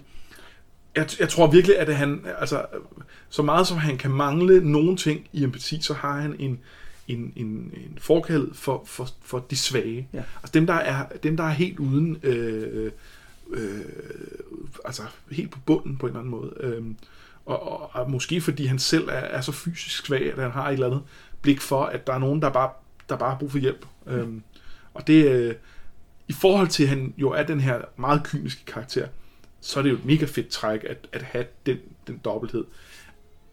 Øh, så det, det synes jeg er fedt. Og det er også et interessant sted at stoppe den her bog, fordi Raistlin har jo fyldt en del, men han har ikke været den vigtige person i historien. Og så alligevel er det hos ham, vi slutter, både med, Ja. hvor vi er inde i hovedet som hos dragen, men også her med, med Bubu. Og det er han er egentlig den, der, der jeg ved ikke, om han udvikler sig i løbet af historien, men vi lærer ham i hvert fald at kende Ja, på en anden billede måde. af ham skubber sig i løbet af historien, hvor at der er ikke nogen af de andre, der er fundamentalt anderledes, eller, eller dybere, eller, eller altså de, vi, vi kan allerede se det i introen. Ja. Øhm, vi skal også snakke mere om karakterer senere. Det gør vi nemlig. Så, så, øh, Det aller sidste, der sker, det er, at dagen kryger, og så kan de se i horisonten, at Solas brænder. Altså, så længere væk er Solas ikke fra det sted. De er lige kommet væk fra stumpen, og nu kan de altså se, at Solas ja, brænder. og, og, og, og øh, Ruin og Goldmoons øh, øh, steppe landsby ligger imellem de to. Ja. Så, så altså, øh, der er virkelig ikke særlig langt. Nej, det, det er, det er herlev. Ja, men det, På centrum, det er der, vi er. Øh, jeg, ved, jeg, jeg, jeg synes måske, det er unfair at kalde Solas for Herlev. Det er, jeg ser det som et mere smukt sted. Måske det er Taxaroth, der er herlig. Ja. Nå, men det, der, øh, der slutter øh, bogen simpelthen, og, og lad, os da lige, lad os da lige tage det. Hvad, hvad synes vi om bogen? Øh, jamen, jamen, jeg synes ordentligt set, at jeg, jeg kan jeg stadig godt lide den. Altså, er, jeg, jeg, det var sjovt at læse igen. Det er, det, det, jeg glæder mig til at komme videre. Øhm, jeg, jeg synes, at den lider lidt under det med, at vi skal igennem så mange plot points, og at vi aldrig, vi finder aldrig rigtig ud af, hvad, hvad det slutter med. Altså man kan sige, det sidste, den sidste opgave, den sidste quest, det er at finde de her øh, tavler. Det, det er det sidste, de laver i det. Men, men, men det ved vi først, da vi har løst den opgave, der var før. Og sådan, for, og sådan er det hele vejen igennem øh, bogen. Okay, vi bliver væltet ud af krogen. Okay, vi må flygte et sted hen. Okay, vi prøver at tage mod Haven. Jamen, der bliver vi væltet væk fra vejen. Så finder vi nogen, en, en hvid hjort. Okay, den leder os et sted hen. Så er der nogen, de leder os herhen. Så er der ingen, den smider os herhen. Øh, så øh, kommer vi hen til det her tempel. Jamen, så skal vi finde de her tavler. Det, det er hele tiden... Vi, vi, vi ved aldrig mere end næste plotpoint. Og det synes jeg skaber sådan en lidt fragmenteret ordnet historie, som, som irriterer mig, eller som, som, som i hvert fald gør, at jeg, jeg har svært ved sådan at... Så jeg kan ikke huske, hvilken rækkefølge alle de her ting kom i, fordi det, det, kunne, det, det kunne lige så godt have været en anden. Jeg synes, det er en, en historie, som på mange måder mangler drive. Ja. Vi ved ikke, hvad, hvad historien vil, og det er også, der er også nogle mærkelige ting inden, fordi hvis Riverwind har været ved det her tempel og har fået den her blå krystalstav af den her øh, af Mishakal. Hvor, hvorfor har hun så ikke givet ham missionen med det samme? Hvorfor skal han vende tilbage dertil sammen med den her gruppe eventyr? Ja. Hvor, hvorfor skal han føre sammen med dem? Fordi, fordi de jo tydeligvis bliver ført sammen. Der er jo den her gamle mand, som som der er et eller andet ved, som har sendt med sted på den her quest. Hvorfor skal de det? Hvorfor kunne de ikke bare få quest med det samme af ham? Ja, altså hvis han havde vidst, okay, du skal komme tilbage med, med, med øh, Karls udvalg, og så skal I finde de her tavler. Så kunne han godt møde op på kronen forkommen og, og lige været udsat for en, for en stening. Øh, og så kunne de stadig komme igennem nogenlunde alle de samme plotpoints undervejs, men hvor vi bare vidste, at målet var at finde hen til det her sted igen. Øh, ja, eller han kunne have fået at vide, at de skulle tage et andet men... sted, at han skulle hen til ja. Saxaroth. Altså, ja. det, det, virker mærkeligt med at gå ja. et sted hen, og så skulle tilbage der til igen. Ja, det er rigtigt. Det er rigtigt. Og så tænker jeg også, at der er selvfølgelig noget med, at før man kan blive øh, udsendt af guderne, altså blive sendt på en quest så skal man jo gøre sig værdig, man skal jo ja. vise, at man ved det, og det skal de jo, men, men samtidig så de her øh, helte, de, de tager jo ikke rigtig aktiv valg om, at det er det, de vil gøre, før de er hos The Forest Master. Hvor de siger, okay, vi tager til Saxaroth, men, men samtidig kan man også sige, hvad er deres alternativ? Hvad, hvad kan de ellers gøre? De kan ikke rigtig gå tilbage til Solas, fordi der ja. er de eftersøgte forbrydere. De kan ikke gå til Haven, fordi der møder de de der drakonianer. Altså, det, det, så det der med, at de skal vise sig værdige, kan man også godt sige, gør de egentlig det? Det synes jeg ikke helt. Nej, det gør det måske ikke. Og, det, altså, og, og de valg, der bliver truffet i øvrigt, er i stort træk Tanis, der træffer dem. Øh, fordi han er gruppens leder. Det har ja, men der har de andre så valgt, at de gerne vil følge Tanis. Jamen, det er rigtigt. Så på den måde har de, er de med i valget, ja. ikke? Ja. Men i hvert fald, den mangler altså noget, den mangler en, en ordentlig struktur, synes jeg. Ja. Det, der, og også det her med, at vi ikke har en klar modstand mod det, de vil. Altså, vi har, vi har en fornemmelse af, at der er noget, altså de her stjernetegn, The Queen of Darkness, som åbenlyst er en ond gud, er der, men er hun det? Man kan ikke rigtig se hende, man kan ikke se hendes indflydelse andet end måske i dragen, men dragen bliver altså først præsenteret to tredje inde i bogen, ikke? Ja. Jo, og, og, øh, og jeg tror, at den bliver foreshadowet noget før, fordi øh, øh, der er den her med døden flyver på sorte vinger. Det tror jeg, at Riverwind får sagt forholdsvis tidligt. Ja, det står i præsentationen af ham. Nå, det står har været i, det kan i byen, hvor... Ja. At, øh, men, men det ville også være meget mere interessant, hvis vi fra start vidste, at vi skulle tilbage dertil. Fordi lige nu læser man lidt hen over det. Hvis vi vidste, at vi skal tilbage til det sted, hvor døden flyver på sorte vinger, så kunne vi godt som læser så tænke, åh, oh, oh, er det en drage? Og, og stadig lige, altså, venter med at afsløre det selvfølgelig, fordi det, det, det er stadig meget fedt, når det så kommer. Men det vil give os følelsen af, at den lå derude. Øh, altså, det er jo ikke, det er jo ikke, det er jo ikke en kæmpe spoiler øh, at sige til nogen, der ikke er gået i gang med Dragonlance bøgerne endnu, at der kommer drager. Det hedder Dragonlance. Ja. Det er godt, altså, men, øh, ja, men det er jo fint nok. Det er mere mærkeligt at have en dragland, hvis der ikke er nogen drager. Det, ja, det er det ikke. Ja. Men, men ja, for mig handler det også om, at jeg synes, der mangler nogen, som er imod dem. Altså, de mangler en, en modstander i den her historie. Nogen, ja. som vil forhindre dem i at nå deres mål. Det har de ikke i løbet af... De har, jo, de har dragen, men det er jo en vagt, som skal forhandle med det. Det er ikke en, der aktivt arbejder imod Sådan en vagthund, der ligger øh, ovenpå. Der er simpelthen ikke nogen antagonist i den her historie, og det Nej. synes jeg er et problem for fornemmelsen. Men det, jeg til gengæld synes, den gør, det er, jeg kunne jo huske de ting, jeg følte, da jeg læste de her bøger første gang. Jeg, jeg kunne genkende nogle af situationer. Jeg kunne for, specifikt den her øh, scene, hvor de møder drakonianerne ude på vejen, som, som faktisk er ret uhyggelig. Jeg kan præcis huske den her følelse af, wow, det er vildt lige nu. Og det synes jeg var ret specielt, at jeg, at, at bogen er jo ikke super velskrevet, så det er ikke fordi, den vækker følelsen i mig igen, men jeg kunne huske, hvordan det Ja. var at læse dem, og det, det havde indflydelse på min oplevelse nu. Det synes jeg var ret sjovt. Ja, jeg, jeg, jeg, der er et eller andet ved hele den, det, altså det der med det der party, og de forskellige øh, karakterer, og de- man sidder og gætter på, hvad de har. Det gør jeg som rollespilsnørd, øh, hvilke evner de har, og, hvor, og, og, og hvilken klasse af hvem og sådan noget. Og det er, øh, altså det rammer fuldstændig, hvordan jeg, den der glæde ved, øh, nysgerrig glæde ved rollespil, som, som jeg havde, da, da, jeg, var, øh, da jeg var teenager. Øh, Og så er der også noget med, at der er jo, tror jeg, altså nu når jeg læser dem igen, så er der mange af de her ting, hvor jeg tænker, om det er sådan standard fantasy, om så skal der være nogle kommentarer, så skal der være en indjørning, så skal der være nogle goblin. Altså, der er mange af de her ting, hvor jeg synes, okay, kryds ved den ting, Ja. ja. kryds ved den ting. Men, men, men jeg husker det som, at da jeg læste dem første gang, var det sådan et, wow, wow, wow, der kommer det der også. Altså, man hele tiden bliver sådan, wow, der, der sker ja. ting. Ikke? Altså, at det, som vi nu, nu kritiserer med, at der sker en masse ting, der tror jeg, at øh, 4. og 5. klasse Mads synes, det var ret fedt, at der hele tiden skete ting. Ja, det altså... Øh, der, der er jo... Altså, der er forskel på, hvordan, man, hvordan en smag er. Men jeg har egentlig heller ikke noget imod, der sker mange ting. Jeg har noget imod, at jeg ikke, at jeg ikke fra start ved, hvor vi er på vej hen, når det sker. For ja. Det tror jeg vil, vil, vil give mig lidt mere tolerans over for, at der er... Ja, for så vil tingene ske, så vil der være en grund til, at tingene sker. Ja. Hvor lige nu, så sker de bare fordi, når vi skal også lige have nogle flere sider, hvor de lige er i en dragonerende landsby. Ja. Øh, ja. Hvad, øh, en af de ting, som jeg var bekymret for ved at begynde at læse de her bøger, det var, om jeg kunne holde sproget ud. For de er jo ikke super velskrevet. Øh, hvordan havde du det med det? Øh, mest del synes jeg, det er okay. Det, det, det, det synes jeg ikke er så slemt. Vi var også lidt inde på det i, i referatet. Der er noget med øh, skift i, øh, hvem vi følger ind i hovedet. Og det, der er nogle... Øh, der er nogle gange, hvor det er meget bræt, at det går fra den ene karakter til den anden. Og hvor det er inde midt i et afsnit. Og hvor... Man, jeg, jeg kunne i hvert fald ikke holde rede på det. Øh, og det, det forvirrede mig nok til, at det, det, det, det sted altså, gjorde min læseoplevelse dårligere. Ja. Øhm, men jeg ved, altså det her er den første bog, de her forfattere har skrevet, øh, så jeg kunne håbe, at de senere i, i serien, måske ikke i senere i de her bind, fordi det må næsten være skrevet samtidig, men, men, men om ikke andet i de senere, senere bind, om ikke de bliver lidt skarpere til at lave nogle, nogle klare øh, skift. Altså jeg kan mærke, at jeg er så meget øh, på historien, på fortællingen, at det gør mig ikke noget, at sproget ikke er specielt godt. Og det, og det var egentlig rart at få bekræftet mm. det med, at jeg faktisk synes, at historien var spændende, den var interessant nok til, at jeg godt gad at læse videre, selvom ja. at der var nogle ting, netop også som du siger, det med at springe fra den ene til den anden, det, det var forvirrende, det er forvirrende, men, men jeg kunne godt, altså, jeg kunne godt se gennem fingre med det. Men det havde, altså, hvis de havde lagt nogle linjeskift ind øh, en gang imellem, øh, der, så havde de løst mange problemer. Ja. Gjort bogen dobbelt lang, men Udover at vi øh, lige om lidt skal kigge på, hvilke øh, tre karakterer, vi synes er de mest interessante i det her første bind, mm. så har vi også snakket om, vi gerne første vil... bog. Åh, for helvede, jeg bytter... Ah ja, første bog, ikke første bind. Første bog er første bind. Ja. Sådan. Så øh, snakker vi om, at vi lige vil kigge på fantasy-troper. Altså, fordi der er jo øh, nogle, nogle ting, som går igen i mange fantasy-historier. Og der, bare lige for lige at lave en hurtig... Hvad for nogle ting dukker op i, de, her- i denne her bog? Jamen, øh, i første omgang, så, så er der jo det her med en, øh, en gammel mand, der giver dem en quest. Ja.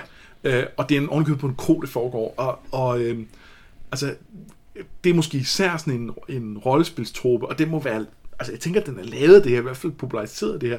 Hele ideen om, at man at der er, der er en inde på kronen, som siger, øh, jeg, har, jeg har en opgave til jer. Ja, selvom her siger han jo ikke, han har Nej, det har han, giver det gør han ikke. Men, men det, han giver mig opgaven, ja.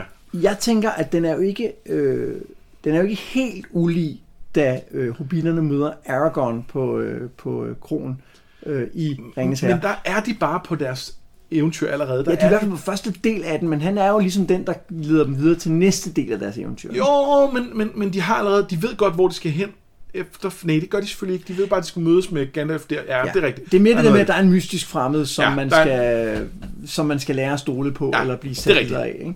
Men jeg tror, du har ret i, at, at måske er det her, den der øh, truppe er startet med. I går ind med en kort, der sidder en gammel mand og giver en quest. Måske er det her, den er blevet født. Det, det, det tror jeg. Øh, i, hvert fald, I hvert fald her, den er blevet stor.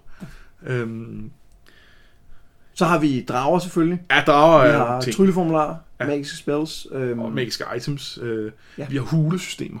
Øh, vi går ned i, i, i et eller andet mystisk øh, øh, hulesystem, op, op, og så er der fjender og, og labyrintagtige ting og sådan noget. Og så kan man diskutere, når man hulesystemer, at det er en ting, der egentlig kommer fra rollespil, men, men ikke helt vel, fordi at både i Hobbiten og i Ringens Herre, der er der jo de her Ja. ja. hulesystemer, som vores helte skal igennem. Ja, altså, øh, helt sikkert. Så er der, så er der, så er der øh, sjove navne. Øh, Ja. Og øh, altså, min, min personlige favorit er jo Taktaroth. Og det er, det er et, et glimrende navn til en ruinby. Ja. Men, men, men øh, angiveligt har den også heddet Taktaroth, øh, dengang, at det bare var en by. Og det er sådan lidt, At det var en, en venlig by. Ja, en rar- God handelsby, ikke? ja, fredens by, lysets by. Hvad har I kaldt den? Taktaroth. Okay, held og lykke med det. Det, det, det, det går nok galt lige om lidt. Øh, det, det kan man lidt regne ud, ikke? Jo, Og der er også, øh, altså Golden og Riverwind er jo også bare totalt øh, kliché indianeragtige navne, ikke? Altså man sådan, ej, hold nu op. Ja, du var, også, øh, du var også lidt efter Darkenwood, skal jeg huske, vi snakker om. Ja, det, ja, det vi snakker om, øh, inden vi gik i gang. Darkenwoods, øh, jeg ved godt, at, at, at, at det jeg kan godt se den idé om, at hvis man bor lige ved sådan en skov, hvor der ikke kommer nogen levende tilbage fra, så kan jeg godt forstå, at man kalder dem, det er det mørke sted. Ja, men, men samtidig virker det også lidt, altså det virker sådan lidt overdrevet fancyagtigt. Ja, den mørke skov. Hvor altså her, altså vi, gribskov, ikke? eller roldskov, altså det lyder bare ikke lige så farligt. nej. Er det jo så heller ikke. Men Schwarzwald, Ja, det er rigtigt. men den er også virkelig stor. Altså, ja. Det, den, Jamen, det er selvfølgelig en god pointe. Hvad, hvad dukker der ellers op af, af fantasy-trummer? ja, det er et godt spørgsmål. Ja, Altså, der er jo hele den her med at være på en quest. Altså at have en mission, som man skal udføre, ja. som de jo får, da de møder The Forest Master, hvor I skal tage herhen, og I vil blive belønnet af guderne. Det er jo også en klar fantasy, at man er udvalgt til at gøre noget. Og det er de jo, de er jo blevet udvalgt. Raistin siger godt nok, men af hvem? Men det synes jeg ikke er et spor, der bliver forfulgt i løbet, i hvert fald ikke i løbet af denne her øh, første bog. Altså, der er det ret tydeligt, at det, altså, den gamle mand nævner, at øh, Paladin, den gode gud, har sendt den hvide kronhjort, den møder de. Øh, de bliver sendt afsted for at møde Mishakal, som er gud inden for healing, som også er en god gud. Ja. Jeg synes, det er ret tydeligt, at de er udvalgt af de gode til at tage på en quest mod det onde. så kan man sige, at, øh, at hele det her med at have øh, det her øh, politistiske system med en masse forskellige øh, guder, det er, øh, det er meget øh, det er meget en fantasy ting også. Øh, det, er, det, det, det er sjældent, at man har monotisme i fantasy. Ja. Øh, Ja, det er rigtigt. Hvorfor egentlig? Ja, det, det, det, det ved jeg ikke. Jeg tror det, jeg tror, det er en måde at løsrive det fra kristendommen. Og, og måske især, fordi det er jo altså meget af det her, øh, de, de her bøger og, og meget andet fantasy stammer jo fra, øh, fra USA, hvor, hvor, øh, hvor, hvor kristendommen virkelig er en big deal. Og jeg tror, der er noget med, at hvis man laver en monotistisk gud, så, så bliver det svært, at det ikke kommer til at være meget et billede på øh, på, på, på den kristne kirke, og, ja. Og så vil man øh, lægge meget vægt på alle forskellene, eller ikke øh, og, og fylde mere ind i hullerne, øh, som, altså, så jeg tror, det er en måde at distancere det på, på, en- på en nem måde. Men, altså, der er jo nogle fantasybøger, der bruger det. Øh, øhm, Narnia-serien for eksempel er jo Ja. tydeligt kristen, men har jo så heller ikke Men- men, en men- kristen algori i virkeligheden. Ikke? Men det, men det er netop den kristne algori, men, men, men der er også nogen, der, har, der bruger monotisme, hvor det ikke er kristendom, og hvor den, den måske øh, problematiserer nogle ting omkring det. Altså, man kan sige, Songwise and Fire har nogle, nogen, der er monoteistiske i deres orientering, Ja. øh, og, og andre, der ikke er. Øh, øh, Kingkiller Chronicle har en, en, en monoteistisk religion, som, som, øh, som, som helt klart også bliver problematiseret omkring, om den er øh, om man nu også kan, kan stole på, øh, på, på deres oprindelse. Men måske er der også bare noget med, at i det her fantasy, der har vi jo guder, der går på jorden for at være videre, altså stjernebillederne er forsvundet. Og når man har brug for nogle, altså måske har man brug for nogle flere guder, der går på jorden. Altså ja. konkret er brug for nogle flere forskellige, for at det bliver interessant. Ikke? Fordi og måske har man, brug, har man brug for noget, øh, noget, noget rendyrket ondskab, og der er det nemmere med en, en ond gud. Ja. Øh, fordi hvis det bare er hvis vi har de her guder, der, der intervenerer så klart, altså hvor de, de virkelig har manifesteret, deres magt bliver manifesteret på jorden, så, øhm, så, er det, så er det svært at... Øh, altså hvis man så også har... har altså, kunne de ikke fikse de onde ting? Nej, det kan de så ikke, fordi der er også nogle onde guder, ja. der er lige så meget ved, ved, ved den vej. Ja. Vi er nået til, hvor vi skal kåre vores øh, de mest interessante karakterer i den her første bog. Og, og nu, vi har snakket om, at vi vil gøre det sådan, at vi vil kåre hver vores. Men, men da vi talte om det her, inden vi optog afsnittet, så blev vi enige om, at vi faktisk var, var enige i det her afsnit. Ja, så det kan være, at vi, vi, vi tager hver vores liste i senere afsnit. Ja. Øh, men, men lige her, der, der blev det altså en fælles liste. Ja. Og på tredjepladsen, bam, bam, bam, der har vi ridderen Sturm. Ja, det er ikke den det sådan sikreste mandat, han sidder Nej. på. øh, for vi synes faktisk, han er vildt interessant, men der er ikke så meget at komme efter med karakteren her. Også fordi det første bog, vi skal bare have dem præsenteret. Der er ikke noget udvikling nu. Det er fair nok, at øh, det er lidt tungt der. Men Sturm har nogle ting, der er spændende. Han har en klart defineret personlighed. Ja. Og det er faktisk ikke alle karaktererne, man kan sige det om. Øh, han har Carmen er nok den, der lider mest, og, og måske også Flint, som, ja. som primært ja. er bange for både. Ikke? Oh, oh, Carmen er mest sulten. Ja. øh, øh, Riverwind er, er, er, er, har heller ikke meget. Ja, han er virkelig også tynd. Ikke? Og der, der er et tidspunkt, hvor at, øh, at vi skal prøve at forstå den her, de ligesom gen, antænder deres romance har man gået nu, og det er simpelthen så pinligt ringe, ja. fordi man bare så tænker, jeg er så ligeglad med, at vi to elsker hinanden, fordi det bliver så postuleret. Ikke? Øh,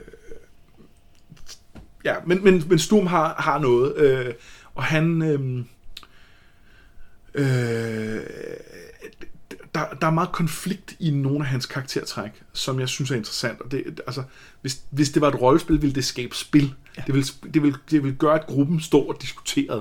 Og det er ikke nødvendigvis det fedeste spil altid, men, men det er bedre end ikke noget. Jamen, vi fornemmer, at han, er, han, han, han stoler på Tanis, men han er også lidt i tvivl om, hvorfor han egentlig gør det. Han har den ja. her ridderlighed, den her min, min ære, mit liv, som driver ham fremad, og så har han øh, en mistroiskhed over for, for det moralsk tvivlsomme, som Raistlin jo øh, repræsenterer, ja. det egoistiske i virkeligheden ja. også. Ikke? Og, det er jo ikke uinteressant, men du har ret, det er på det yderste mandat, at han lige kommer med på vores uh, top 3. Ja. Til gengæld, så har vi på nummer 2 selvfølgelig, eller ja. ikke selvfølgelig, men... men der, der har vi Raistlin. Solidt. Ja. Øh, og øhm, han, vi har, været, vi har allerede snakket en del om ham, øh, men, men, men han, er jo, han er jo modsætningsfyldt, fordi han på den ene side er den her øh, bitre, kyniske troldmand, og på den anden side har det her blødende hjerte for, for, for, øh, for andre stakler. Og det er det, der gør ham interessant, fordi ja. han har også det der med, at han er svag, men så har han magt, og det er, hvad det er. I virkeligheden, jeg har altid været Tim Raceland i det her Jeg synes, at Raceland er en super sej figur, det synes jeg lige fra starten. Men jeg vil sige, at ved genlæsning, synes jeg, han var lidt irriterende er sådan et, uh, se mig, jeg er mystisk, og jeg hader alle sammen, jeg alle sammen, øh, øh, øh. altså det blev sgu lidt irriterende. Men så kommer det her, hvor han for eksempel, hans, øh, hans interaktioner med, med Bubu, som jeg synes er rigtig fine, og tegner et helt andet billede af ham. Og også det med, at han, at han er villig til at, at gå i døden kæmpende mod den her drage. Ikke fordi han vil ofre sig for de andre, men fordi han bare ikke vil, vil han vil bare ikke acceptere nederlaget uden kamp. Ja. Det synes jeg også er fedt. Ja, det er ret fedt. Og så, og så kan man sige, på sin egen lidt for, øh, lidt for meget måde, så det med, at han har timeglasøjne, og han ser verden forvidre for, foran sig, det er også meget fedt. Ja, det er sgu, det er rimelig... Det, det er lidt for meget, men, men det er også meget fedt. Ja, men det er også en verden, hvor guderne går på jorden, og hvor der er drager. Jeg synes, Præcis, det er okay. det er okay. Ja. Det, Allow it. Det skulle rimelig sejt. Øh, på førstepladsen, der har vi selvfølgelig Tanis, som, ja. som på mange måder er hovedkarakteren, i hvert fald i det her bind. Øh, det er ham, vi er mest ind i hovedet på, det er hans overvejelser, vi mest får, og hans tanker. Øh, og jeg har altid, jeg huskede Tanis som værende en lidt kedelig do-gooder. Øh, lidt øh, fesen. Det synes jeg ikke, han er. Nej, det synes jeg heller ikke. Jeg synes, jeg synes der er meget... Øh, det er også ham, der har agens i det, ikke? Det er ham, der hele tiden skal træffe valgene for gruppen, og det, det, det ligger bare mere, øh, altså det gør det mere interessant at følge hans tanker, fordi det, det er faktisk han, der har reelt valg, han overvejer. Øh, jeg synes hele det her med, at han på den ene side er en do og det er, det er der ikke nogen tvivl om, og han støtter sig også op af Sturm i forhold til nogle af de ting, men, men, men det med, at, at, at han så lige er villig til at snakke med Raistlin, øh, når, når han godt ved, at nu er der altså, nu er der altså brug for et lidt mere kynisk blik på verden, det synes jeg er et fedt træk. Øh. Ja, man kan sige, at han er en, han er en do men han er også en, en doer. Altså, ja. han, han sørger for at få tingene gjort. Han er praktiker. Ja. Øh, vi, vi er nødt til at få løst det her. Øh, og, øh, og det er endda, altså i forhold til hans øh, beskrivelse i starten af bogen, der får vi, får vi ridset øh, to ting op. Det ene det her med, at han er godt nok en god kriger, men ikke har lyst til at slå ihjel som sådan en elver ting. Det bliver ikke rigtig brugt, og det bliver, som jeg husker det, faktisk ikke rigtig brugt i hele serien. Det bliver nævnt nogle gange, ja, sådan som jeg husker det. Det er mest men, de andre, der, der ja. snakker om, han er sådan, og hvor man tænker, det, det er han ikke rigtigt. Nej. Øh, og den anden er den her spilletid mellem de, de her to kvinder, uden at sige for meget, så kan jeg godt sige, at det kommer vi mere ind på senere i serien. Ja, det er en elver, elver mø, uh, Laurana, ja. lavede introduktion, og så er det hende her kriger, kvinden Kitiara. Og der, der bliver også spillet lidt på, at, at kærlighed mellem mennesker ja. og elver, fordi han lever åbenbart øh, lang tid, ligesom elver ja. gør, den er dødstømt. Jeg synes ikke, det er helt overbevisende i det her bind. Nej, det, men, men jeg synes, det er interessant, at, at på trods af, at nogle af de her karaktertræk, vi har fået ridset op i starten, at de faktisk ikke bliver brugt, så er han stadig den mest interessante. Ja. Det synes jeg, det synes jeg er sjovt. Øhm, og, ja. Og jeg synes egentlig, det lå godt for den øh, videre historie. Ja. Og jeg synes, der er nogle... Nej, du har ret, de andre er, er, er langt under top 3, altså de andre karakterer. Men der er alligevel nogle ting. Jeg synes, Tasselhoff viser nogle, ja. nogle ting, som kan blive interessante. Det her med hans, hans ukulige optimisme, øh, den måde, de bruger hans, øh, hans frygtløshed på, og så det her med, at han viser, at han kan noget mere. Jeg synes, jeg, jeg, jeg synes det bliver antydet, at der er en konflikt mellem, hvem Tasselhoff er, og hvad de karaktertræk, som Kendar øh, øh, hvad hedder det, skabelonen ligesom har, har, øh, har lagt ned over ham. Og det kommer vi til at snakke mere om senere, for det, det der øh, husker jeg, som om der er noget udvikling. Ja. Men, men, men, men allerede nu kan vi godt se, at det er ikke de samme ting. Heldigvis, fordi det ville jo være meget kedeligt, hvis han bare var, var, var helt sådan en, en skabelon. Ja. Så altså vores øh, karakter top 3 efter bog nummer 1 i bind nummer 1, Autumn's, nej, bla, bla, bla, Dragons of Autumn Twilight, det er altså Sturm på nummer 3, Racing på nummer 2, og endelig Tanis som nummer 1. Jamen, det var, det var første afsnit af Noget med Drager. Hvis du vil i øh, kontakt med os, så skriv os en e-mail. Du kan skrive til min e-mail, brynum, b r y n n u m at gmail.com. Det er nok det nemmeste. Øhm, og ellers så kan du også skrive kommentarer jo inde på, på Facebook, hvor vi poster de her afsnit. Vi vil også rigtig gerne have, at I øh, giver os en positiv vurdering inde på iTunes, eller, eller hvis I nu ser den et andet sted, eller hører, hører podcasten et andet sted. Ja, fordi jo flere, der rater os inde på iTunes, jo mere synlig bliver podcasten, og jo mere kan vi få spredt ordet om, at øh, vi findes. Og hvis du nu har lyst til at hjælpe os ud over det, så kan du gå ind på den side, der hedder øh, tier, altså 10er.dk, e noget med drager.tier.dk, og der kan du støtte os med et øh, lille beløb, måske en, øh, en tier per afsnit, eller hvad du nu har råd til, og det vil så gøre, at vi får råd til at købe noget tjekket udstyr og mere købekage. Det er vigtigt. Ja, der, der, går en, der går en vis mængde kage til hvert afsnit. Ja, det gør, det gør der. Så der kan du altså støtte hvert afsnit med et uh, lille beløb på uh, tier.dk, og hvis du gør det, så er du helt fantastisk. Udover det vil jeg bare sige, at jeg var Mads Brøndum. Og jeg er Anders Forsbergelsen, og det her, det er Noget med Drager. Vi lyttes.